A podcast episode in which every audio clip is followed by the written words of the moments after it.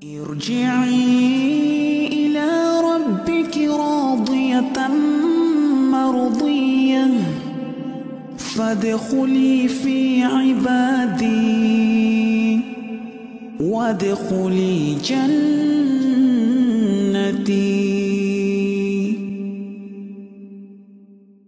Baik, tidak berlama-lama. Kami persilakan kepada Ustadz Ariful Bahari LCMH Fidullah Ta'ala untuk memulai kajian kita pada malam hari ini. Tafadhal Ustadz. Bismillahirrahmanirrahim. Assalamualaikum warahmatullahi wabarakatuh. Alhamdulillahirabbil alamin wassalatu wassalamu ala asyrafil anbiya'i wal mursalin wa ala alihi wa ashabihi wa man tabi'ahum bi ihsanin ila yaumiddin amma ba'du. Alhamdulillah Allah Subhanahu wa taala kembali memberikan kepada kita kemudahan untuk bersua dan berjumpa pada pertemuan yang berbahagia ini walaupun hanya melalui media sosial saja. Namun kita berharap kepada Allah Subhanahu wa taala agar apa yang kita lakukan adalah sesuatu yang bernilai pahala di sisi Allah Subhanahu wa taala. Kemudian Allah Subhanahu wa taala memberikan kepada kita pahala yang berlipat ganda. Allah Subhanahu wa taala ampunkan dosa kita. Allah tutup aib kita dan Allah Subhanahu wa taala mudahkan setiap urusan kita bersama. Kemudian salawat beriringkan salam. Semoga tetap tercurahkan buat baginda yang mulia Nabi kita tercinta Muhammad sallallahu alaihi wasallam. Dan semoga Allah Subhanahu wa taala senantiasa memberikan kepada kita pahala dikala kita berselawat kepada baginda yang mulia sallallahu alaihi wasallam. Karena memang Nabi sendiri menyebutkan man shalla alayya salatan wahidah sallallahu alaihi biha asyra Barang siapa yang berselawat kepadaku dengan satu kali ucapan selawat, maka Allah Subhanahu wa taala akan memberikan kepadanya sepuluh kali lipat dikala dia berselawat kepada Nabi sallallahu alaihi wasallam. Terutama di malam hari ini, malam Jumat dan juga di hari Jumat merupakan hari terindah dikala kita berselawat kepada Nabi tercinta Muhammad sallallahu alaihi wasallam. Allahumma salli ala Muhammad wa ala ali Muhammad كما صليت على إبراهيم وعلى آل إبراهيم إنك حميد مجيد اللهم بارك على محمد وعلى آل محمد كما باركت على على إبراهيم وعلى آل إبراهيم إنك حميد مجيد Saudara kaum muslimin, kaum muslimat ikhwani, akhwati rahimani wa rahimakumullah. Tentunya kita tidak lupa pula uh, mengucapkan jazakumullahu khairan kepada kita bersama terkhusus kepada sahabat ilmu Darmais Semoga Allah Subhanahu wa taala senantiasa memberikan kemudahan kepada kita untuk belajar agama Allah Subhanahu wa taala sedikit demi sedikit. Kita beriltimas itu mencari, menggali, mempelajari, mendalami agama Allah Subhanahu wa taala. Dan semoga dengan demikian Allah Subhanahu wa taala angkat kejahilan dari diri kita, dari keluarga kita, dari masyarakat kita. Dan Allah Subhanahu wa taala meridai kita bersama. Ikhwatul Islam, pada kesempatan yang berbahagia ini, kita berbicara tentang seorang sosok manusia yang diberikan oleh Allah Subhanahu wa taala kedudukan yang sangat mulia. Yang lebih dikenal dengan maqam mahmuda, yaitu kedudukan yang sangat terpuji dan dipuji oleh Allah Subhanahu wa taala. Bahkan banyak momen-momen yang indah di mana Allah Subhanahu wa taala ingin memperlihatkan siapa nabinya. Siapa manusia yang dipilih oleh Allah Subhanahu wa taala dibandingkan dengan manusia-manusia yang lainnya. Yang mana tidak lain tidak bukan adalah baginda kita yang mulia Rasulullah sallallahu alaihi wasallam. Semenjak Rasulullah sallallahu alaihi wasallam lahir sampai Rasulullah sallallahu alaihi wasallam kembali kepada Allah Subhanahu wa taala memiliki sejarah yang sempurna dan sejarah yang indah yang mana kewajiban kita sebagai umat baginda yang mulia sallallahu alaihi wasallam untuk mengetahui siapa nabi kita, bagaimana perjuangan dan pengorbanan baginda yang mulia sallallahu alaihi wasallam dan bagaimana Allah Subhanahu wa taala mengangkat nama nabi kita yang mulia sallallahu alaihi wasallam. Kita sebutkan sedikit demi sedikit ikhwatul Islam. Bagaimana Allah Subhanahu wa taala memuji, mengangkat, memilih Nabi sallallahu alaihi wasallam Dikala Nabi Shallallahu Alaihi Wasallam dilahirkan, maka padamlah api yang senantiasa disembah oleh orang-orang Persia di sana. Yang mana api mereka tidak pernah padam, tidak pernah mati. Namun dikala Nabi Shallallahu Alaihi Wasallam dilahirkan, maka mati api mereka. Api cemat mati cahaya mereka. Menunjukkan bagaimana mulianya Rasulullah Shallallahu Alaihi Wasallam. Dikala Rasulullah Shallallahu Alaihi Wasallam berumur empat tahun, Allah Subhanahu Wa Taala membersihkan hati Nabi Shallallahu Alaihi Wasallam dari semua kotoran, dari semua gangguan, dan salah satunya adalah dari gangguan syaitan. Allah Subhanahu Wa Taala membersihkan Nabi Shallallahu Alaihi Wasallam hatinya dengan menggunakan air zam-zam yang diutus malaikat Allah Subhanahu Wa Taala untuk melaksanakannya. Kemudian ikhwatul Islam kita lihat lagi bagaimana Rasulullah sallallahu alaihi wasallam dikala Allah Subhanahu wa taala mengangkat nabinya memperjalankan nabinya kemudian Nabi sallallahu alaihi wasallam diangkat oleh Allah Subhanahu wa taala yang terkenal dengan peristiwa Isra dan Mi'raj.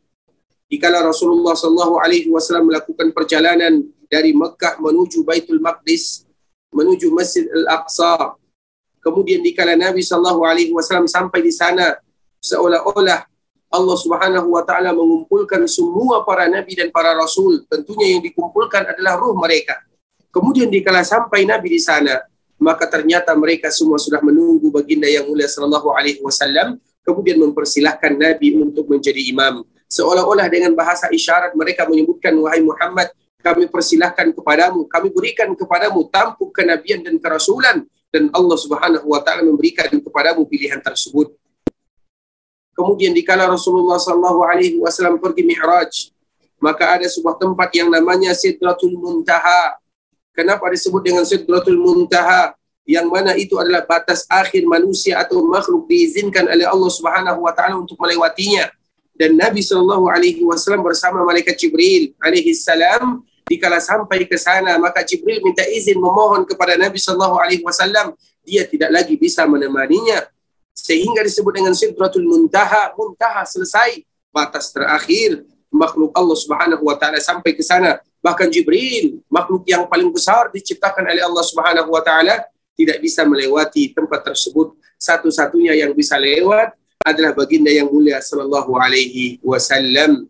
Kemudian di sanalah Rasulullah sallallahu alaihi wasallam berbicara langsung dengan Allah Subhanahu wa taala menerima perintah dan kewajiban-kewajiban yang luar biasa yang menunjukkan bagaimana keindahan dan kemuliaan serta bagaimana kedudukan Nabi kita yang mulia sallallahu alaihi wasallam. Belum lagi pujian-pujian yang lainnya. Bagaimana Rasulullah atau bagaimana Allah Subhanahu wa taala berselawat kepada Rasulullah sallallahu alaihi wasallam. Inna Allah wa malaikatahu yusalluna 'alan nabi. Sesungguhnya Allah berselawat kepada Nabi. Malaikat berselawat kepada Nabi apa makna daripada Allah berselawat kepada Nabi? Allah senantiasa menyanjung nabinya. Allah memuji Nabi kita yang mulia sallallahu alaihi wasallam. Dan di antara salah satu bentuk pujian Allah kepada Nabi kita yang mulia adalah dengan solawat. Apa makna daripada kalimat solawat tersebut? Allah senantiasa memuji Rasulullah sallallahu alaihi wasallam dan menggandengkan nama Nabi sallallahu alaihi wasallam dengan namanya sehingga Allah menyebutkan wa rafa'na laka kami angkat namamu wahai Muhammad dan dikala kita mengucapkan kalimat syahadat kita gandengkan nama Allah Subhanahu wa taala dengan nama Rasulullah sallallahu alaihi wasallam. Begitu juga nanti dalam kehidupan akhirat. Allah Subhanahu wa taala ingin mengangkat nama nabi kita yang mulia sallallahu alaihi wasallam. Allah berikan kepada nabi yang namanya syafaatul uzma yaitu syafaat yang menunjukkan bagaimana kebesaran atau bagaimana kedudukan nabi yang mulia sallallahu alaihi wasallam disebut dengan syafaatul uzma, syafaat yang menunjukkan kedudukan mulianya Nabi Shallallahu Alaihi Wasallam di sisi Allah Azza wa. Belum lagi nanti pintu surga dibukakan kepada Nabi kita yang mulia Shallallahu Alaihi Wasallam. Nah, ikhwatul Islam, semua yang tadi kita bacakan adalah berbicara tentang seorang sosok yang sangat luar biasa, yaitu baginda yang mulia Shallallahu Alaihi Wasallam. Karena memang pada malam hari ini atau pada sore hari ini kita berbicara tentang Nabi kita yang mulia Shallallahu Alaihi Wasallam pembicaraan yang luar biasa yang tidak boleh bagi umatnya mereka bosan terhadap nabinya tidak boleh bagi umatnya yang mereka tidak tahu tentang sejarah nabinya. Wajib bagi kita bersama tahu tentang nabi kita yang mulia sallallahu alaihi wasallam karena itu adalah bentuk kecintaan kita kepada baginda yang mulia sallallahu alaihi wasallam. Berbicara tentang nabi merupakan pembicaraan yang begitu indah. Dikala Allah menceritakan kepada kita nabi-nabi yang lainnya di dalam Al-Qur'an Allah ceritakan bagaimana indahnya cerita Nabi Yusuf alaihi salam lebih indah lagi cerita Nabi kita yang mulia sallallahu alaihi wasallam. Kita tahu bagaimana hikmah yang luar biasa yang Allah sebutkan tentang Nabi Musa lebih hikmah lagi, lebih indah lagi cerita Nabi kita yang mulia sallallahu alaihi wasallam. Begitulah Nabi kita sallallahu alaihi wasallam yang merupakan kewajiban kita bersama untuk mengetahui mempelajari sejarah Nabi sallallahu alaihi wasallam dan jangan pernah kita bosan untuk mempelajari mengetahui siapa Nabi kita, siapa dia, bagaimana perjuangannya, bagaimana pengorbanannya agar kita bisa mencontoh dan selalu meniru Rasul kita yang mulia sallallahu alaihi wasallam. Ikhwatul Islam saudara kaum muslimin, para tamu Allah, kaum musliman ikhwani akhwati rahimani wa rahimakumullah. Imam At-Tahawi di dalam kitabnya Matan At-Tahawiyah dia menukilkan tentang Nabi kita yang mulia sallallahu alaihi wasallam. Siapa Nabi sallallahu alaihi wasallam yang harus kita ketahui bagaimana sifatnya, bagaimana kondisinya, apa yang harus kita ketahui tentang Nabi kita yang mulia sallallahu alaihi wasallam. Apa yang disebutkan oleh Imam At-Tahawi rahimahullahu taala karena tadi kita menyebutkan muqaddimah siapa sosok yang akan kita pelajari, yang akan kita bicarakan, sosok manusia yang paling mulia yaitu Rasulullah sallallahu alaihi wasallam. Imam At-Tahawi rahimahullah taala menyebutkan tentang nabi kita yang mulia sallallahu alaihi wasallam وأن محمدا عبده المصطفى ونبيه المجتبى ورسوله المرتضى. وأنه خاتم الأنبياء وإمام الأتقياء وسيد المرسلين وحبيب رب العالمين. وكل دعوى النبوة بعده فغي وهوى وهو المبعوث إلى عامة الجن وكافة الورى بالحق والهدى وبالنور والضياء. Itulah Nabi Shallallahu Alaihi Wasallam sebagaimana yang disebutkan oleh Imam At-Tahawi rahimahullahu taala di dalam kitabnya. Ikhwatal Islam wa anna Muhammadan abduhu al-mustafa wa nabiyyuhu al-mujtaba wa rasuluhu al-murtada. Sesungguhnya Nabi Muhammad sallallahu alaihi wasallam adalah hamba Allah yang terpilih. Nabi yang juga terpilih. Seorang rasul yang juga dipilih oleh Allah Subhanahu wa taala. Dan Nabi sallallahu alaihi wasallam memiliki dua atau tiga sifat yang sangat indah. Yang pertama sifat Rasulullah Shallallahu Alaihi Wasallam adalah Abdullah. Rasulullah itu adalah hamba Allah Subhanahu Wa Taala. Itu yang harus kita ingat. Rasulullah Shallallahu Alaihi Wasallam adalah hamba Allah. Apa maknanya? Jika kita mengetahui bahwa Rasulullah Shallallahu Alaihi Wasallam adalah hamba Allah Subhanahu Wa Taala, berarti tidak boleh bagi kita mengangkat Nabi Shallallahu Alaihi Wasallam lebih daripada batas kehambaan tersebut Nabi Shallallahu Alaihi Wasallam adalah hamba Allah Subhanahu Wa Taala. Berarti tidak boleh bagi kita mengangkat Nabi lebih daripada kedudukannya. Apakah ada orang yang mengangkat Nabi Shallallahu Alaihi Wasallam lebih daripada kedudukannya? Banyak. Kita lihat bagaimana kita menyaksikan sebahagian kaum muslimin mereka mengangkat Nabi Shallallahu Alaihi Wasallam lebih daripada kedudukannya. Ada yang mengatakan bahwa Nabi mengetahui perkara yang gaib, ada di antara mereka yang mengatakan bahwa Nabi tempat meminta, mengabulkan hajat, bisa memberikan kesembuhan dan yang lain sebagainya. Itu adalah bentuk di mana seorang hamba mereka mengangkat nama Nabi kita yang mulia lebih daripada kedudukan yang Allah berikan kepadanya.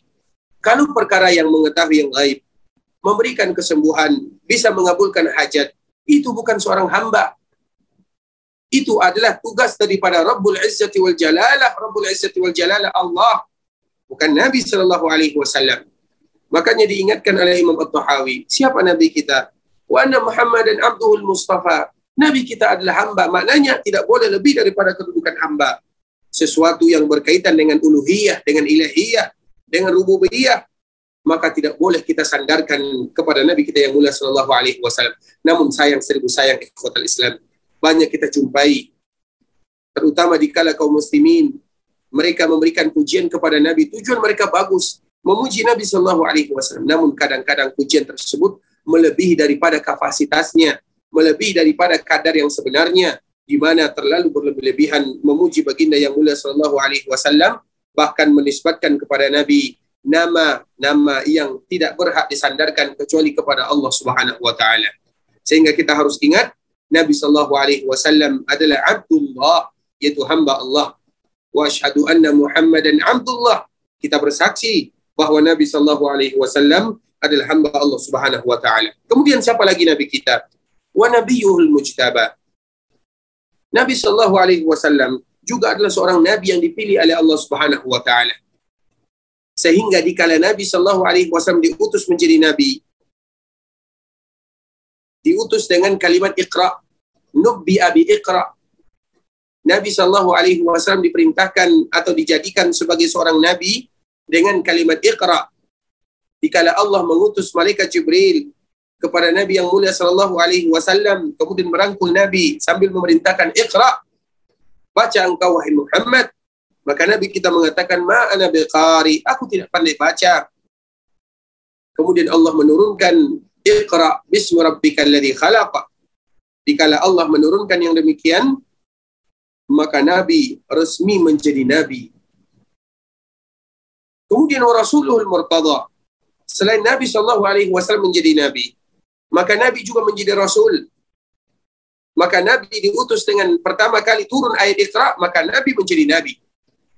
Kemudian dikala Allah turunkan ayat yang berikutnya, yaitu kalimat Ya ayuhal muddathir, Qum fa'anzir wa rabbaka fakabbir wa siyabaka fatahir. Maka Nabi menjadi Rasul. Sehingga Nabi memiliki dua sifat, Nabi dan juga Rasul. Karena kita tahu, berarti apakah ada perbedaan antara Nabi dan Rasul? Ada. Nabi Shallallahu Alaihi Wasallam memiliki perbedaan dengan Rasul, yang mana secara umum seorang Nabi berada di bawah. Kalau seandainya secara kedudukan di bawah para Rasul, sehingga Nabi Shallallahu Alaihi Wasallam selain dia seorang nabi, dia juga selain dia juga seorang rasul. Rasulullah Shallallahu Alaihi Wasallam atau Nabi adalah Rasulullah utusan Allah Subhanahu Wa Taala. Yang mana setiap Rasul adalah Nabi dan setiap Nabi belum tentu Rasul. Itu adalah perbedaannya. Setiap Nabi belum tentu Rasul, setiap Rasul itu sudah pasti Nabi. Sama dengan kalimat mukmin dengan kalimat muslim. Setiap mukmin sudah pasti muslim. Setiap muslim belum tentu mukmin. Setiap mukmin pasti muslim. Setiap muslim belum tentu mukmin. Begitu juga dengan nabi dan rasul. Setiap rasul pasti nabi. Setiap nabi belum tentu rasul. Sedangkan Rasulullah Shallallahu Alaihi Wasallam adalah nabi. Jika Allah turunkan Iqra, maka nabi menjadi nabi. Jika Allah turunkan ya ayyuhal mudathir, maka nabi pun menjadi Rasulullah sallallahu alaihi wasallam. Sehingga dua kalimat inilah, dua sifat inilah untuk baginda yang mulia sallallahu alaihi wasallam, Abdullah wa rasuluh, hambanya, rasulnya dan nabinya. Itu harus kita ketahui bagaimana sifat nabi kita yang mulia sallallahu alaihi wasallam. Kemudian juga ikhwatul Islam, wa annahu khatimul anbiya'i wa imamul atqiya. Ini juga sifat yang harus kita ketahui bahwa Nabi Shallallahu Alaihi Wasallam adalah penutup para nabi dan penutup para imam yang bertakwa. Maknanya apabila Nabi sudah diutus oleh Allah Subhanahu Wa Taala maka tidak akan ada lagi Nabi setelah Nabi Shallallahu Alaihi Wasallam. Semua mereka yang mengatakan diri mereka Nabi setelah Nabi Shallallahu Alaihi Wasallam maka itu adalah perkara yang tercela sebagaimana nanti yang akan disebutkan oleh oleh muallif atau oleh pengarang. Namun kita harus tahu Nabi adalah penutup para Nabi khatam. Khatam nubuwah. Sehingga khatam ini, khatam itu artinya adalah penutup. Penutup para Nabi, semua orang tahu. Bahkan semua agama juga tahu, terutama agama-agama samawi. Bahwa Rasulullah Sallallahu Alaihi Wasallam adalah manusia terakhir. Nabi terakhir yang diutus oleh Allah Subhanahu Wa Taala semuanya tahu. Dan juga Allah Subhanahu Wa Taala menyebutkan bagaimana kedudukan Nabi Shallallahu Alaihi Wasallam dan Nabi adalah manusia atau utusan terakhir Allah Subhanahu Wa Taala sehingga Nabi Shallallahu Alaihi Wasallam menyebutkan nahnul akhirun al awwalun kita adalah yang terakhir. Apa maknanya? Kita adalah umat yang terakhir. Kenapa kita umat yang terakhir? Karena Nabi kita adalah Nabi yang terakhir. Namun kita yang pertama. Apa makna daripada sabda Nabi? Kita yang terakhir, kita yang pertama, kita yang terakhir, kata kita adalah umat yang terakhir. Dan kita yang pertama, karena nanti kita yang pertama kali akan dihisap, dan kita juga yang akan pertama kali masuk ke dalam surga Allah Subhanahu wa taala. Rasulullah Shallallahu alaihi wasallam adalah penutup para nabi dan para rasul. Dan Rasulullah Shallallahu alaihi wasallam sendiri menyebutkan bu'ithu wasa'ati kahatain. Aku diutus oleh Allah Subhanahu wa taala dan terjadinya hari kiamat seperti ibarat dua jari ini. Apa makna dua jari yang disebutkan Nabi? Di antara para ulama menyebutkan tidak ada pemisah antara mereka antara Nabi dan akhir akhir zaman. Maknanya Nabi Shallallahu Alaihi Wasallam dikala Nabi diutus menjadi Nabi dan menjadi Rasul itu adalah pertanda akhir zaman. Berarti tidak ada lagi Nabi setelah Nabi Shallallahu Alaihi Wasallam. Kemudian apalagi kata Imam At-Tahawi, wa sayyidul mursalin wa habibu rabbil alamin. Nabi Shallallahu Alaihi Wasallam adalah sayyidul mursalin, yaitu pemimpinnya para nabi dan para rasul. Itu adalah kemuliaan Nabi sebagaimana tadi yang telah kita jelaskan. Dikala Allah memperjalankan nabinya dari Masjid Haram yang ada di Mekah menuju Baitul Maqdis, Palestina yang ada di sana, maka Allah kumpulkan semua para nabi dan para rasul dengan ruhnya kemudian Nabi yang menjadi imam di sana. Seolah-olah tampuk kepemimpinan Nabi dan Rasul itu diserahkan kepada Nabi yang mulia Sallallahu Alaihi Wasallam. Seolah-olah Allah ingin menyebutkan bagaimana kemuliaan Nabi Sallallahu Alaihi Wasallam sehingga disebut dengan Sayyidul Mursalin, yaitu pemimpinnya para Nabi dan para Rasul. Begitu juga dikala terjadi huru hara di hari akhirat, di mana dikala kita dikumpulkan oleh Allah di padang mahsyar, kita datang kepada Nabi Adam. Nabi Adam mengatakan nafsi nafsi, jiwaku, diriku. Pergi kalian kepada Nabi Nuh. Kita datang kepada Nabi Nuh. Nabi Nuh mengatakan, nafsi, nafsi, jiwaku, diriku. Pergi kalian kepada Nabi Ibrahim. Semua jawabannya sama. Pergi lagi kepada Nabi Musa, kepada Nabi Isa. Maka terakhir pergi kepada Nabi Muhammad sallallahu alaihi wasallam, maka Nabi mengatakan, "Ana laha, ana laha. Ana sayyidu waladi Adam yaumil qiyamah." Kata Nabi. Aku adalah sayyid pemimpin anak Adam, pemimpin para nabi, para rasul semua manusia di hari akhirat. Nabi betul-betul sayyid dan juga Nabi Sayyidul Mursalin wal Anbiya yaitu pemimpin semua manusia. Wala fakhar kata Nabi. Dan ini bukanlah bentuk kesombongan, namun ini menunjukkan kepada kita siapa Nabi kita dan bagaimana kedudukan Nabi. Sehingga Nabi menyebutkan ana laha, ini tugasku, ini kewajibanku. Kemudian Nabi pun datang kepada Allah dan Allah pun memberikan izin syafaat. Sehingga disebut dengan Sayyid. Nabi kita adalah Sayyid. Sayyidul Mursalin. Bukan hanya sekedar sayyid, namun pemimpin semua para nabi dan para rasul. Kemudian wa habibur rabbil alamin. Dan juga Nabi sallallahu alaihi wasallam adalah habibullah. Namun di dalam kalimat habib ini ikhwatul Islam, kalimat yang paling bagus kita ucapkan adalah Nabi Khalilullah. Karena kalimat habib artinya cinta. Khalil artinya juga cinta dan pengungkapan cinta di dalam bahasa Arab lebih daripada 10 kata. Kalimat cinta saja di dalam bahasa Arab memiliki lebih daripada 10 kosakata yang menggambarkan makna cinta dan yang memiliki nilai yang paling sempurna adalah kalimat khalil. Sehingga Nabi Shallallahu Alaihi Wasallam adalah Khalilullah. Tidak salah kita mengucapkan Nabi adalah Habibullah namun lebih utama, lebih indah jika kita mengucapkan Khalilullah karena kalimat Khalil adalah kecintaan yang sempurna. Kalau Habib maknanya juga cinta, namun tidak seindah kalimat Khalil. Sehingga dikala Imam At-Tahawi menyebutkan wa Habib Rabbil Alamin tidak menjadi masalah namun kalimat yang paling indah adalah Khalil Rabbil Alamin. Kemudian wa kullu da'wan nubuwah ba'dahu faghayyun wa hawa. Ini sambungan dari yang sebelumnya semua mereka yang mendakwah dirinya, yang mengatakan dirinya setelah Nabi Shallallahu Alaihi Wasallam sebagai Nabi, maka itu adalah kesesatan dan pengikut hawa nafsu. Sehingga Nabi Shallallahu Alaihi Wasallam menyebutkan di antara tanda-tanda akhir zaman akan ada 30 orang dajjal yang setiap mereka mengakui diri mereka nabi. Padahal sudah jelas bagi kita mengetahui bagaimana Nabi adalah Nabi terakhir, Nabi akhir zaman. Namun masih banyak juga yang mengaku dirinya sebagai Nabi. Ketahuilah, semua mereka yang mengaku Nabi, maka Allah akan hinakan mereka di dunia sebelum Allah hinakan mereka di akhirat. Makanya ikhwatal Islam ada sebuah cerita yang mungkin bisa pelajaran untuk pelajaran bagi kita bersama.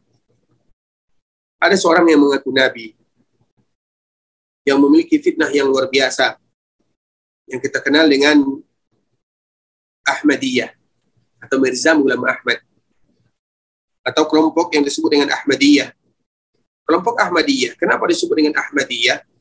Dinisbatkan kepada Mirza Ulam Ahmad. Namanya Mirza Ulam Ahmad sehingga disebut dengan Ahmadiyah. Kelompok ini di antara salah satu keyakinannya menganggap bahwa Mirza Ulam Ahmad adalah seorang nabi setelah Nabi Shallallahu Alaihi Wasallam. Allahu Akbar. Yaitu penganggapan yang menghinakan. Namun banyak juga yang mengikutinya. Bahkan sampai di daerah kita banyak di antara mereka yang juga mengikuti Mirza Ulam Ahmad dan meyakini ada Nabi setelah Nabi Shallallahu Alaihi Wasallam.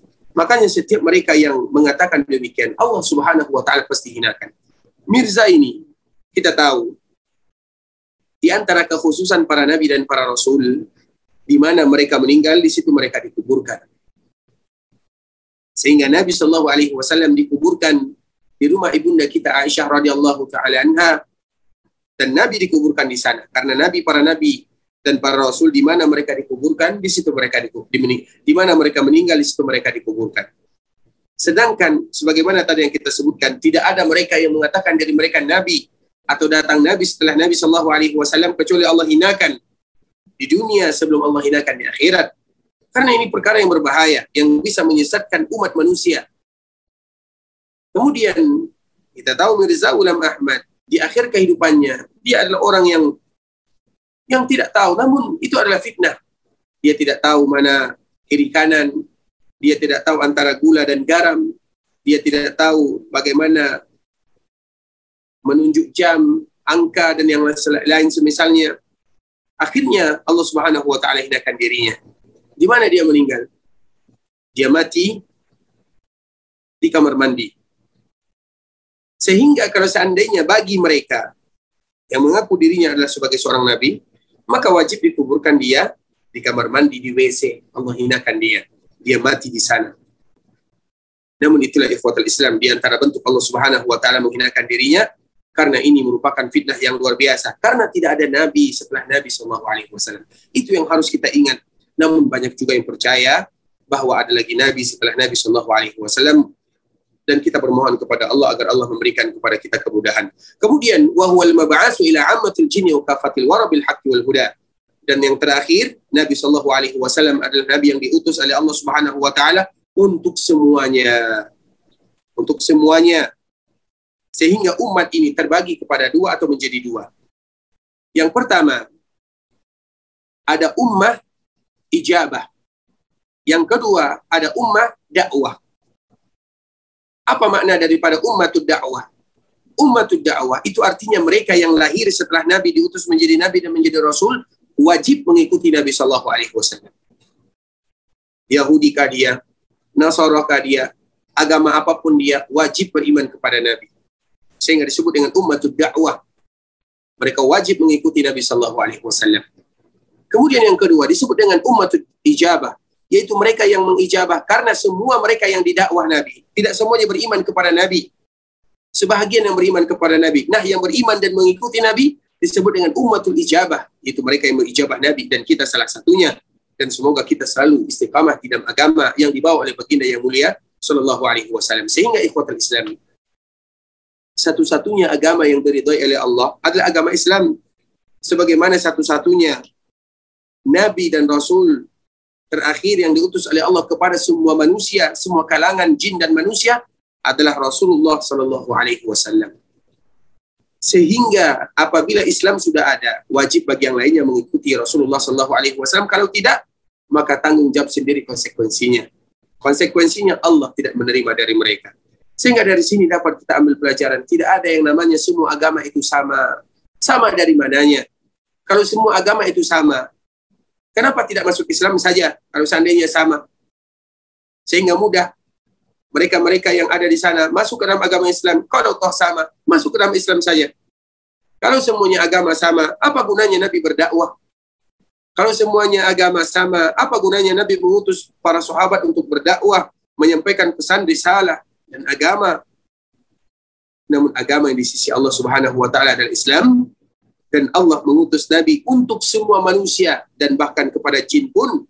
Allah Subhanahu wa taala mengutus Nabi sallallahu alaihi wasallam bil haqqi wal huda dengan kebenaran dan petunjuk wa bin nuri wa dhiya dengan cahaya dan juga dengan dia dia itu artinya adalah cahaya yang memancar karena memang Nabi ibarat cahaya yang menerangi kegelapan yang ada di dunia. Karena memang sebelum Nabi ada diutus oleh Allah menjadi Nabi dan menjadi Rasul dunia ini adalah dunia yang penuh dengan kehinaan dunia yang penuh dengan kezaliman dunia di mana sudah hilang adab akhlak ibadah kepada Allah Subhanahu wa taala di saat itulah Allah Subhanahu wa taala mengutus nabi mengutus nabi untuk semua kalangan dari bangsa jin dan manusia. Ikhwatul Islam saudara kaum muslimin kaum muslimin ikhwani akhwati rahmani wa rahimakumullah. Sebenarnya berbicara tentang Rasulullah sallallahu alaihi wasallam adalah pembicaraan yang tidak pernah membosankan. Berbicara tentang Nabi sallallahu alaihi wasallam keyakinan kita apa yang harus kita ketahui tentang Nabi apa yang harus kita ketahui tentang sejarah Nabi itu merupakan cerita yang luar biasa sejarah yang sangat indah dan semoga Allah Subhanahu wa taala selalu memberikan kepada kita kemudahan untuk bisa mempelajari siapa Nabi kita lebih jauh lagi dan semoga Allah kumpulkan kita bersama bersama baginda yang mulia di dalam surganya. Amin amin ya rabbal alamin. Ikhwatul Islam, namun karena waktu kita yang membatasi, semoga Allah Subhanahu wa taala memberikan manfaat kepada kita bersama dan sekarang kita masuk kepada sesi yang kedua. Barakallahu fikum wa jazakumullahu khairan. Masya Allah, fikum barakallahu Ustaz. Uh, Jazakallah khair atas segala penjelasannya malam hari ini. Baik, kita masuk pada sesi tanya jawab ya Ustaz. Silakan. Anda coba untuk dari yang kolom chat terlebih dahulu. Assalamualaikum warahmatullahi wabarakatuh Ustaz. Mohon izin bertanya di luar tema. Bagaimana jika ada seorang Afan, jika ada seorang menantu yang merawat mertua hingga wafat, di saat wafatnya banyak yang memuji si menantu. Dan si menantu kadang ada timbul ria dan ada rasa bangga karena pujian-pujian manusia. Tapi kemudian ditepis dan beristighfar karena takut amalannya merawat mertua terhapus karena pujian-pujian manusia. Pertanyaannya, dengan adanya ria yang muncul ketika dipuji, apakah amalan si menantu terhapus selama merawat mertua? Syukran, jazakallah khair. Barakallahu fiikum ikhwatul Islam, saudara kaum muslimin kaum muslimat ikhwani akhwati rahimani wa rahimakumullah kalau seandainya demikian keadaannya dikala dia ada dipuji oleh manusia yang lainnya ketahuilah itu merupakan bonus dari Allah Subhanahu wa taala. Walaupun dia tidak mengharapkannya. Yang diharapkan adalah surga Allah Subhanahu wa taala. Kenapa dia lelah? Kenapa dia letih? Kenapa dia menjaga? Yang diharapkan adalah pujian dari Allah Subhanahu wa taala. Namun ketika dia mendapatkan pujian tanpa dia inginkan itu artinya bonus. Dikala dia berusaha untuk menepisnya, menjaga dirinya dan menjaga hatinya, maka tidak akan hilang amalannya. Itu adalah bonus dari Allah Subhanahu wa taala. Banyak kita lihat dan kita saksikan manusia-manusia yang diberikan bonus oleh Allah Subhanahu wa taala. Dikala mereka melakukan kebaikan dan mereka tidak mengharapkan pujian, namun ada orang yang memuji, maka itu artinya bonus. Namun kita tetap untuk berusaha menjaga hati, beristighfar, memohon kepada Allah, selalu meminta bahwa kita melakukan itu semua adalah karena Allah Subhanahu wa taala bukan karena mengharapkan pujian dari manusia. Oleh karenanya dari pertanyaan tersebut dari pemaparan yang kami tangkap dia tidak menginginkan bahkan dia menepisnya maka tidak akan gugur dan tidak akan hilang pahalanya biiznillah dan semoga Allah Subhanahu wa taala senantiasa memberikan kepada kita keikhlasan di dalam beramal agar Allah betul-betul menerima semua amal ibadah kita. Barakallahu fikum wa jazakumullahu khair. Masya Allah, fikum barakallah. Lanjut pertanyaan kedua Ustadz. Ustadz, mohon saya dikoreksi karena kurang ilmu. Bangunan yang terjadi pada makam Rasulullah apakah bertujuan untuk mencegah terjadinya pengkultusan atau penyembahan dengan orang-orang yang melakukan kebid'ahan? Ikhwatul Islam saudara kaum muslimin. Dikala kita berbicara tentang Nabi Shallallahu alaihi wasallam kita tahu doa terakhir Nabi Shallallahu Alaihi Wasallam, Allahumma la taj'al qabri wasanan yu'bad. Ya Allah, jangan jadikan perkuburanku sebagai wasan yang diibadati. Maknanya Rasulullah bermohon kepada Allah agar Allah menjaga perkuburannya tidak sama dengan perkuburan nabi-nabi yang lainnya. Sehingga kita lihat nabi nabi yang lainnya bagaimana perkuburan mereka ada yang memuja, ada yang beribadah, ada yang melakukan hal-hal yang tidak diridai oleh Allah Subhanahu wa taala karena terlalu berlebihan terhadap nabinya. Nabi tidak mau umatnya demikian. Sehingga Nabi berdoa kepada Allah, Allahumma la taj'al qabri wa thanan yu'bad. Kemudian apa kata ibunda kita Aisyah radhiyallahu taala anha? Walau la za walau la dzalika ubriza qabruhu. Kalaulah bukan karena yang demikian, maka perkuburan Nabi akan jelas, akan tampak. Tetapi Allah ingin menjaga Rasulullah sallallahu alaihi wasallam sehingga semenjak Nabi dikuburkan, perkuburan Nabi tertutup. Apa makna daripada kalimat tertutup? Kita tahu di mana Nabi dikuburkan. Nabi dikuburkan di rumah ibunda kita Aisyah radhiyallahu taala. Apakah orang bebas datang ke perkuburan Nabi setelah Nabi dikuburkan? Tidak. Karena ada ibunda kita Aisyah di sana. Dikala mereka berziarah, mereka tidak lagi melihat perkuburan Nabi Shallallahu Alaihi Wasallam. Mereka salah dari luar saja. Karena ada ibunda kita Aisyah di sana. Kemudian datang lagi Abu Bakar Siddiq. Kemudian datang lagi Umar bin Khattab radhiyallahu taala anhuma yang mereka juga dikuburkan di samping Nabi sallallahu alaihi wasallam. Dan itu adalah rumah ibunda kita Aisyah radhiyallahu taala Tetap ditutup. Bagian daripada rumah sampai sekarang ditutup. Sehingga bagaimanapun kalau kita berziarah, kita lihat ada orang yang berziarah, mereka melihat perkuburan Nabi, berusaha melihat apakah ada perkuburan Nabi di dalamnya tidak akan pernah bisa bagi kita untuk melihat perkuburan Nabi tersebut karena itu adalah doa Nabi kepada Allah Subhanahu wa taala.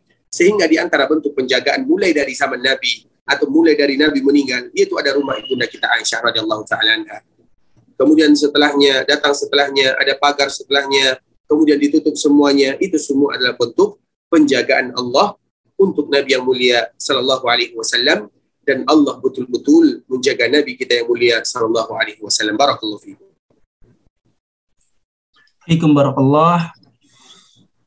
Baik, lanjut ke fitur raise hand. Bagi yang bertanya silakan. Abu Muad. Tafadhol.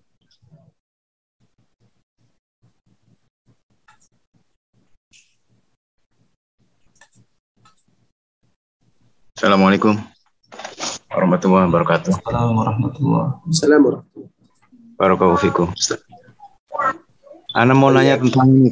Uh, bagaimana uh, keturunan dari Nabi itu uh, di Indonesia sangat terkenal dengan Habib itu dan banyak sekali di Indonesia itu. Bahkan uh, kita tahu ada beberapa Habib yang memimpin satu organisasi kemudian uh, apa bermasalah ada yang masuk penjara dan sebagainya itu dengan apa uh, fatwa-fatwanya itu. Itu apakah memang Habib Habib itu juga ada di Arab Saudi sana? Uh, mereka yang katanya itu keturunan Nabi itu uh, dengan sebutan Habib ya. Khair. Assalamualaikum. Waalaikumsalam warahmatullahi wabarakatuh. Barakallahu fikum ikhwatal Islam saudara kaum muslimin kaum muslimat ikhwani akhwati rahimani wa rahimakumullah. Sebelum kita menjawab pertanyaan tersebut yang harus kita ketahui apabila ada orang yang mengaku sebagai keturunan Nabi sallallahu alaihi wasallam di antara bentuk penghormatan kita kepada Rasulullah sallallahu alaihi wasallam adalah tidak mendustainya. Dikala mereka mengatakan kami adalah keturunan Nabi, wajib bagi kita percaya untuk menghormati Nabi kita yang mulia Sallallahu Alaihi Wasallam. Benar atau tidaknya, itu urusan kedua. Dan itu adalah urusan dia dengan Allah Subhanahu Wa Taala. Kalau seandainya benar, Alhamdulillah. Kalau seandainya salah, dia yang akan bertanggung jawab dan akan berjumpa dengan Nabi kita yang mulia Sallallahu Alaihi Wasallam. Kemudian, apakah keturunan Nabi Sallallahu Alaihi Wasallam masih ada? Banyak keturunan Nabi Shallallahu Alaihi Wasallam banyak atau keluarga Nabi Shallallahu Alaihi Wasallam banyak. Namun masalah istilah istilah yang ada di daerah kita disebut dengan Habib itu tergantung kepada daerah masing-masing. Itu hanya sekedar istilah saja Habib. Kalau dulu disebut dengan Syarif, Syarif dengan Syarifah apabila disebut dengan syarif, maka itu adalah keturunan Nabi. Atau kalau seandainya wanita disebut dengan syarifah. Terlepas daripada itu semua. Di antara bentuk penghormatan kita kepada baginda yang mulia sallallahu alaihi wasallam adalah mempercayainya. Hanya saja yang harus kita ketahui, standar seseorang tersebut adalah bagaimana mereka mengikuti Nabi Shallallahu Alaihi Wasallam. Kalau seandainya keturunan Nabi, tentunya itu merupakan harapan kita bersama. Mereka mengikuti Nabi Shallallahu Alaihi Wasallam betul-betul mencontoh Nabi Shallallahu Alaihi Wasallam, maka mereka akan mendapatkan dua kemuliaan: mulia dari segi nasab dan mulia dari segi agama. Sedangkan apakah ada di Arab Saudi atau di negara-negara yang lainnya keturunan Nabi Shallallahu Alaihi Wasallam banyak. Saya banyak memiliki teman baik itu dari keturunan Hasan ataupun dari keturunan Hussein dan di antara salah satu yang mereka lakukan dinisbatkan namanya terakhir namanya apabila ada namanya adalah Al Hasani misalnya Ahmad Al Harbi Al Hasani berarti dia berasal dari keturunan Hasan kalau seandainya di akhir namanya disebut dengan Al-Husaini, berarti akhir namanya dia dinisbatkan kepada keturunan Husain radhiyallahu taala anhum ajma'in. Sangat banyak sekali. Alhamdulillah. Namun mereka tidak disebut dengan dengan Al-Habib. Mereka disebut dengan namanya. Namun mereka dipakai di ujung namanya kepada siapa mereka dinisbatkan. Kalau kepada Imam Hasan atau cucu Nabi Hasan maka disebut dengan Al-Hasani. Kalau Husain disebut dengan Al-Husaini. Namun kebanyakan mereka adalah disebut dengan Al-Hasani, yaitu keturunan Hasan radhiyallahu taala anhu. Sebagaimana juga kita mengetahui keluarga Nabi Shallallahu alaihi wasallam itu bukan hanya dari keturunan Hasan dan Husain, namun juga dari keturunan-keturunan yang lainnya. Namun secara umum keluarga Nabi Shallallahu alaihi wasallam sangat banyak dan kita berharap kepada Allah Subhanahu wa taala agar Allah Subhanahu wa taala menjaga mereka dan juga menjaga kita bersama agar mereka selalu istiqamah terhadap agama risalah, sunnah nabinya sallallahu alaihi wasallam. Barakallahu fikum. Fikum barakallah. Baik, lanjut ke pertanyaan berikutnya. Silakan yang raise hand. Fadil Agwa. Tafadhol. Silakan.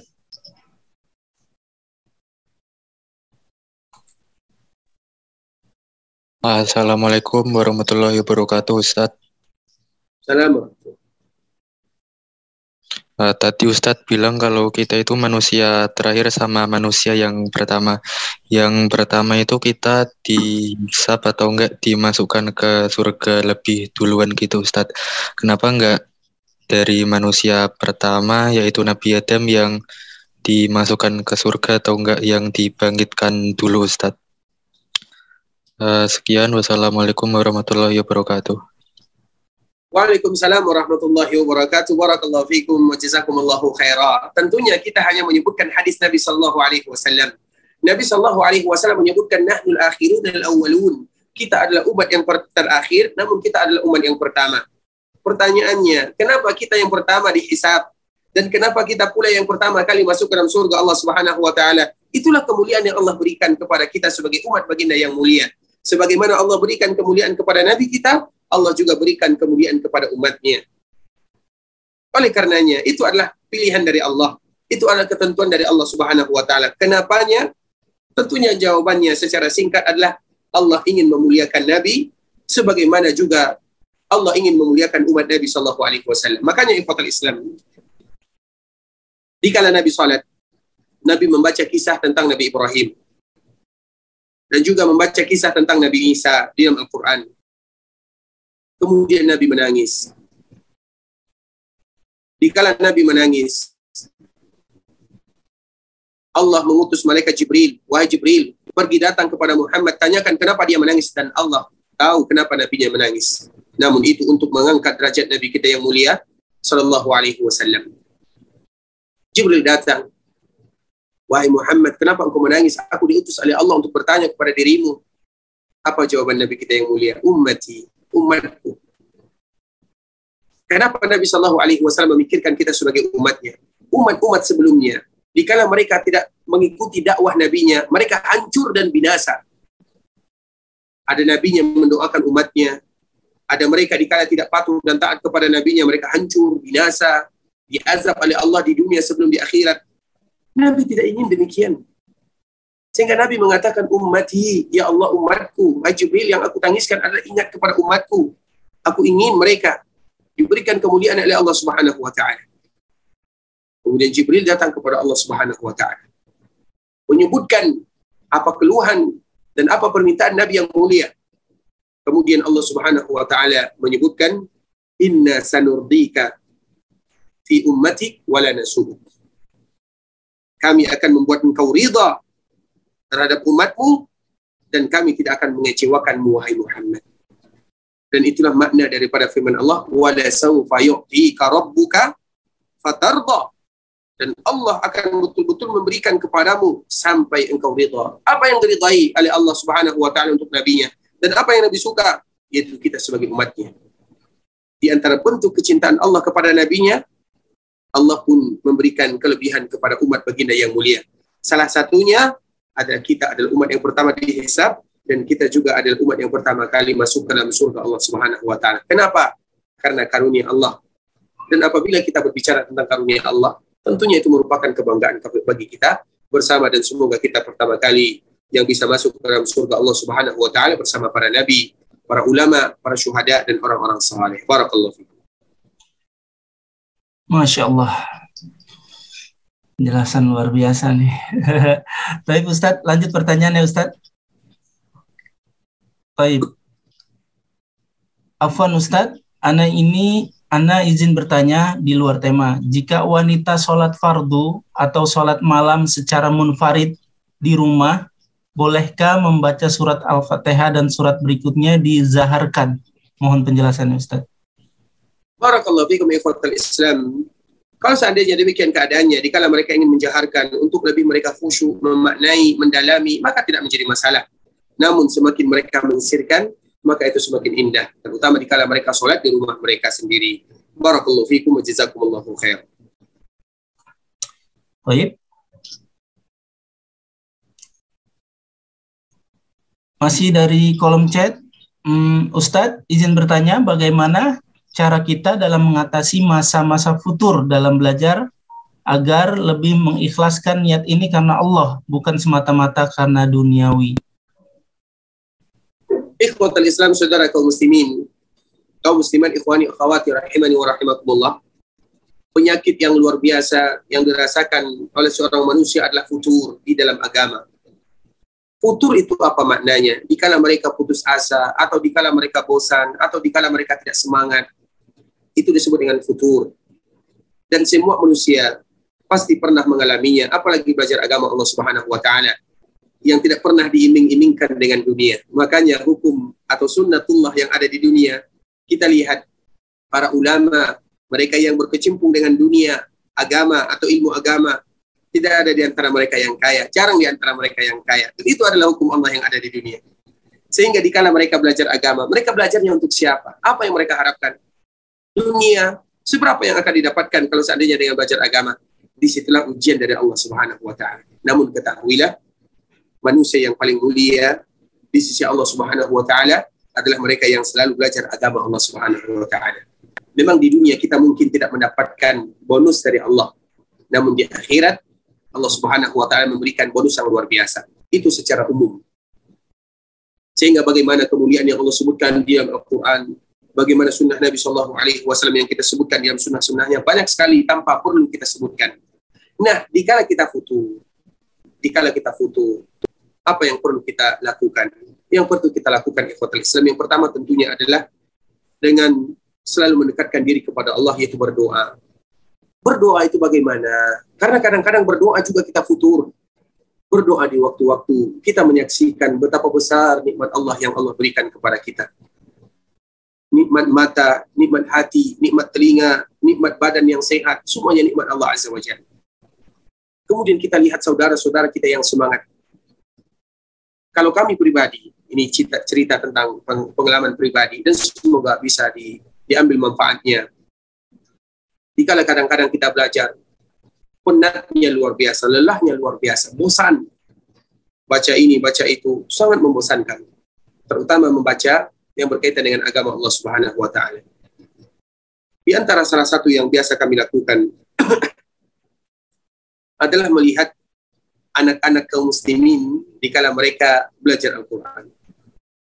Di Masjid Nabawi, di antara kelebihan Masjid Nabawi, di sana ada halaqah-halaqah anak-anak kaum muslimin. Makanya nanti kalau ada di antara kita yang pergi umrah, kita akan menyaksikan halaqah-halaqah anak-anak mulai dari umur 4 tahun sampai mereka yang sudah tua ada halaqah dari pagi, siang, sore, malam semuanya ada.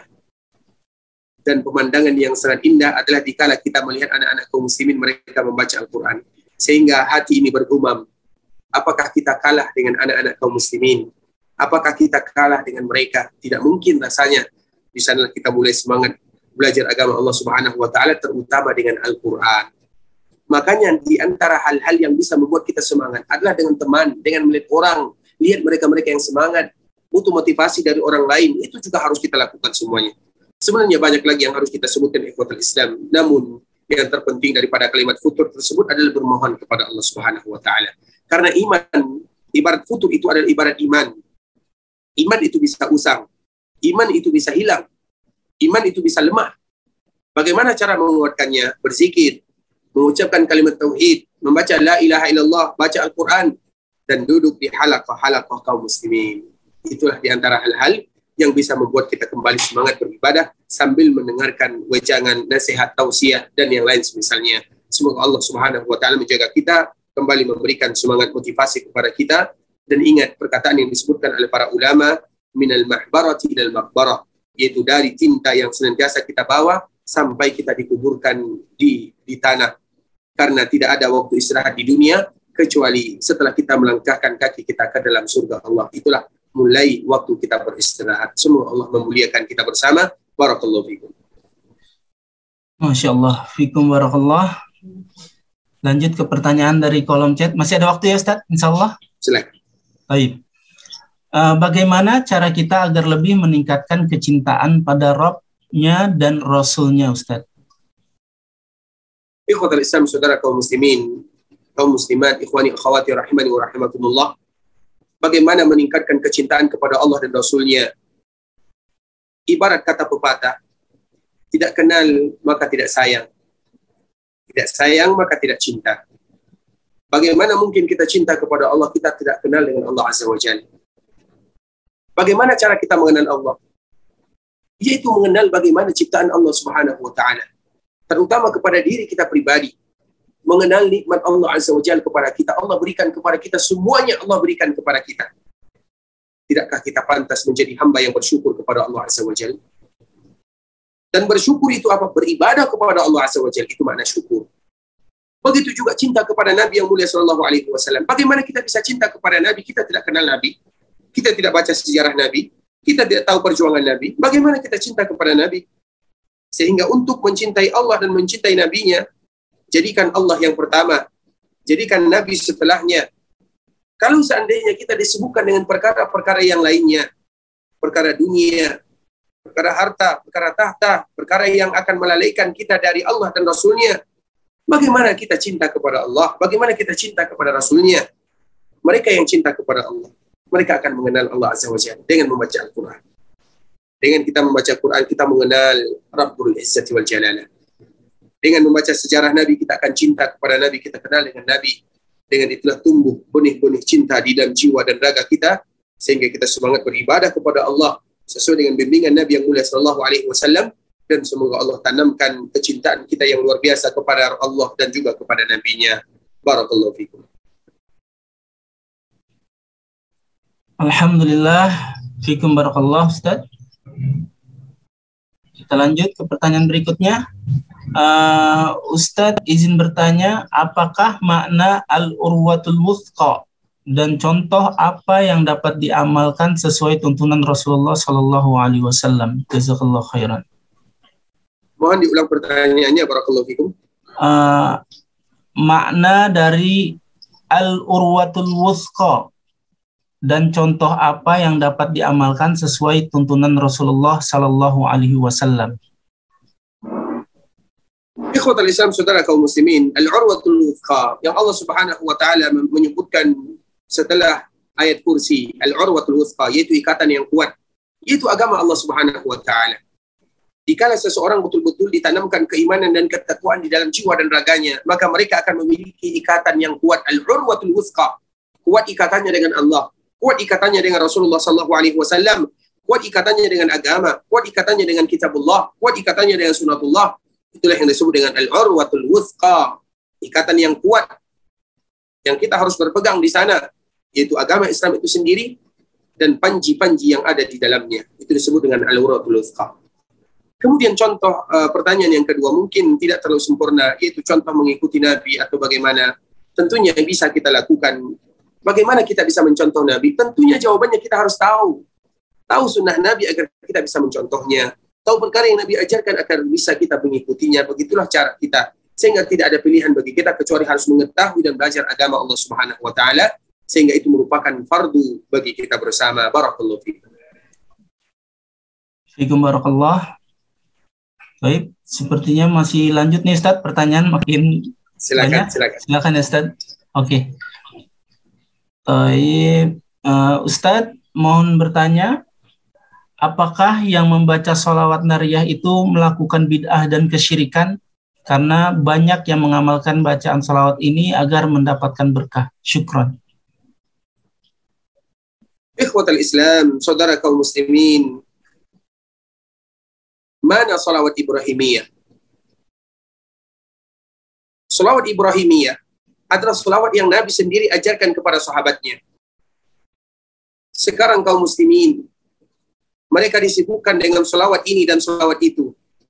Namun mereka lupa mana salawat Nabi Sallallahu Alaihi Wasallam. Kita tahu sekarang ada salawat ini banyak ribuan. Setiap manusia mereka memiliki salawat tersendiri. Apabila diamalkan ini, akan dapat faedah ini, akan dapat keuntungan ini. Mana salawat Nabi? Mana salawat Ibrahimiyah yang diajarkan Nabi kepada sahabatnya? Mana? Kenapa kita lebih mengedepankan salawat ini dan salawat itu? Bukankah di antara bentuk kecintaan kepada Nabi, kita mengamalkan apa yang Nabi ajarkan salawat Ibrahimiyah, Nabi sendiri yang ajarkan kepada sahabatnya.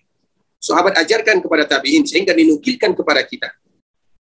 Lafaznya Allahumma salli ala Muhammad wa ala ali Muhammad كما صليت على ابراهيم وعلى ال ابراهيم انك حميد مجيد اللهم بارك على محمد وعلى ال محمد كما باركت على ابراهيم وعلى ال ابراهيم انك حميد مجيد itu lafaz yang pertama diriwayatkan oleh Imam Bukhari dan Muslim dari sahabat Ka'ab bin Ujrah dia bertanya kepada Nabi ya Rasulullah kami tahu bagaimana salam kepadamu namun bagaimana salawat kepadamu Nabi ajarkan salawat ini ini yang semestinya harus kita baca kemudian dalam riwayat Abu Sa'id al-Khudri Allahumma salli ala Muhammad wa azwajihi wa dhurriyyatihi kama sallaita ala Ibrahim wa barik ala Muhammad wa azwajihi wa dhurriyyatihi kama barakta ala Ibrahim innaka Hamidum Majid. Hadis yang diriwayatkan oleh Imam Muslim. Ini yang semestinya harus kita baca. Nabi sendiri yang ajarkan kepada sahabatnya. Begitu juga riwayat Abu Mas'ud Al-Ansari, begitu juga riwayat Abu Umair As-Sa'idi, begitu juga riwayat Amr bin Hizam. Itu semua disebut dengan selawat Ibrahimiyah. Itulah yang harus kita rutinkan sebenarnya Kenapa harus selawat ini? Kenapa harus selawat itu? Belum lagi ada kejanggalan-kejanggalan yang ada di dalamnya. Oleh karenanya ikhwatul Islam, cinta kita kepada Nabi Shallallahu Alaihi Wasallam adalah dengan membaca selawat yang Nabi ajarkan. Dikala kita mulai kekurangan atau dikala kita mulai hilang rasa cinta kita kepada baginda, maka hilang pula cinta kita kepada sabda Nabi itu sendiri. Sehingga kita saksikan, tentunya itu tidak diucapkan dengan kata-kata, namun dengan tindakan dan perbuatan terbukti mereka sudah mulai lupa kepada nabinya. Sehingga mereka mengatakan selawat ini dinisbatkan kepada ini. Selawat itu dinisbatkan kepada itu. Siapa yang membacanya akan dapatkan ini dapat dapatkan itu. Mereka lupa sabda nabi dan selawat yang nabi ajarkan sendiri. Itulah yang semestinya harus kita lakukan. Salah satunya adalah selawat dari kenapa? Kenapa tidak selawat ibrahimiyah? Belum lagi kalimat-kalimat yang ada di dalamnya Semoga Allah Subhanahu wa taala mengembalikan kita kepada sunnah-sunnah Nabi yang sebenarnya. Dan apabila kita cukupkan diri kita dengan sunnah Nabi yang sebenarnya, maka cukup itu bagi kita yang akan mendekatkan diri kita kepada baginda yang mulia sallallahu alaihi wasallam. Barakallahu fikum. Fikum barakallah. Masya Allah. Syukran atas jawabannya Ustaz. Lanjut ke pertanyaan berikutnya. Assalamualaikum Ustaz. Kebetulan kami berjauhan saya tidak pernah minta izin kepada suami karena suami tidak suka jika saya ikut kajian. Karena ketika saya beri tausiah yang berguna untuk suami suami bilang dia tidak memerlukan nasihat-nasihat tersebut. Apakah saya berdosa tidak minta izin suami ikut kajian Ustadz Ikhwatal Islam, saudara kaum muslimin, terkhusus kepada kita yang berumah tangga, kadang ada polemik yang terjadi di sana, dan semoga Allah menjadikan keluarga kita keluarga yang bahagia di dunia dan di akhirat. Ikhwatal Islam, tentunya seorang istri yang mereka cari adalah ridhonya suami. Karena kalau seandainya suami tidak ridho, maka cari keridhaan suami, terutama untuk mengaji. Alhamdulillah sekarang banyak media sosial, melalui online. Kalau suami kita tidak ridho, kita datang offline, maka kita secara online masih bisa bagi kita untuk belajar agama Allah Subhanahu wa taala. Kadang-kadang yang menjadi masalah adalah dikala suami atau dikala istri belajar kemudian mereka pulang, mereka pun ingin mencari momen untuk menyampaikan kepada suaminya seolah-olah mereka mengajarkan kepada suaminya, maka keluarlah kata-kata tersebut aku tidak butuh. Sebenarnya tujuan utama kita belajar itu adalah untuk mengangkat kejahilan dari diri kita pertama. Dan dan dari pertanyaan ini kami tahu kenapa suaminya tidak mengizinkan dirinya. Karena mungkin setiap pulang dia menyebutkan ini, ini, ini, ini. Jadi seolah-olah menggurui. Kita tahu kedudukan suami di antara salah satu. Tidak semua suami yang bisa menerima demikian. Oleh karenanya kita mencari solusi. Misalnya kita mengaji, kemudian kita catat saja untuk diri kita yang pertama Nanti kalau seandainya suami kita sudah mulai terbuka, baru kita bercerita sedikit demi sedikit menyampaikan apa yang kita dapatkan. Tapi kalau seandainya suami kita tidak mengizinkan, maka yang dicari oleh seorang wanita salehah adalah keridhaan suaminya. Barakallahu fikum wa jazakumullahu khair. Fikum barakallah. Taib, lanjut pertanyaan berikutnya. Sepertinya tinggal satu pertanyaan lagi nih Ustadz. Mungkin nanti Anda tambahkan satu lagi Ustadz boleh ya dari pertanyaan dari Ana ya. Boleh silakan. Ustadz, sebagai seorang guru yang mengajar, uh, apa? Ustadz, sebagai seorang guru yang mengajar cara membaca Al-Quran, bolehkah kita menerima bayaran dari murid yang kita ajarkan? Karena terkadang mereka memaksa untuk memberikannya, padahal kita sudah menolak dan dari awal kita sudah menyampaikan bahwa belajarnya ini adalah gratis. Jazakallah khairan. Ikhwatal Islam, saudara kaum muslimin, kalau seandainya kita betul-betul berkomitmen, kita ingin mengajarkan kaum muslimin tanpa mengharapkan upah, kemudian ada di antara mereka yang membayarkan atau memberikan uang kepada kita, maka boleh bagi kita untuk menerimanya. Dan kita sedekahkan, kita berikan, kita manfaatkan demi pengajaran Al-Quran tersebut. Misalnya kita berikan mushaf, atau kepada yang lainnya yang untuk membantu proses belajar kita, mengajar kita, bukan untuk kita, namun untuk kepentingan bersama. Kalau seandainya demikian keadaannya, sehingga solusi yang harus kita cari, misalnya dikala mereka ingin memberikan kepada kita hadiah, sebutkan hadiah ini saya terima, namun untuk saya belikan mushaf. Belikan misalnya, berikan ini. Kepentingan-kepentingan yang tujuannya adalah untuk membantu kita bisa mengajarkan Al-Quran. Barakallahu. Alhamdulillah, fikum barakallah. Pertanyaan terakhir Ustadz dari Ana Ustadz. Taib, uh, ini Ustadz, mohon masukkan saja uh, referensi buku Ustadz tentang Sirah Nabawiyah yang terjemahan Indonesia Ustadz. Kira-kira apa yang baik, yang bagus, yang sahih Ustadz? Karena aneh khawatir takut salah uh, baca, jadi banyak sekali yang tidak sahih gitu perja apa sirah nabawiyahnya gitu Ustaz. Syukran. Ikhwatal Islam, untuk sirah nabawi, dulu di, pernah diadakan kompetisi siapa di antara mereka yang ahli di dalam menulis sirah Nabi Sallallahu Alaihi Wasallam.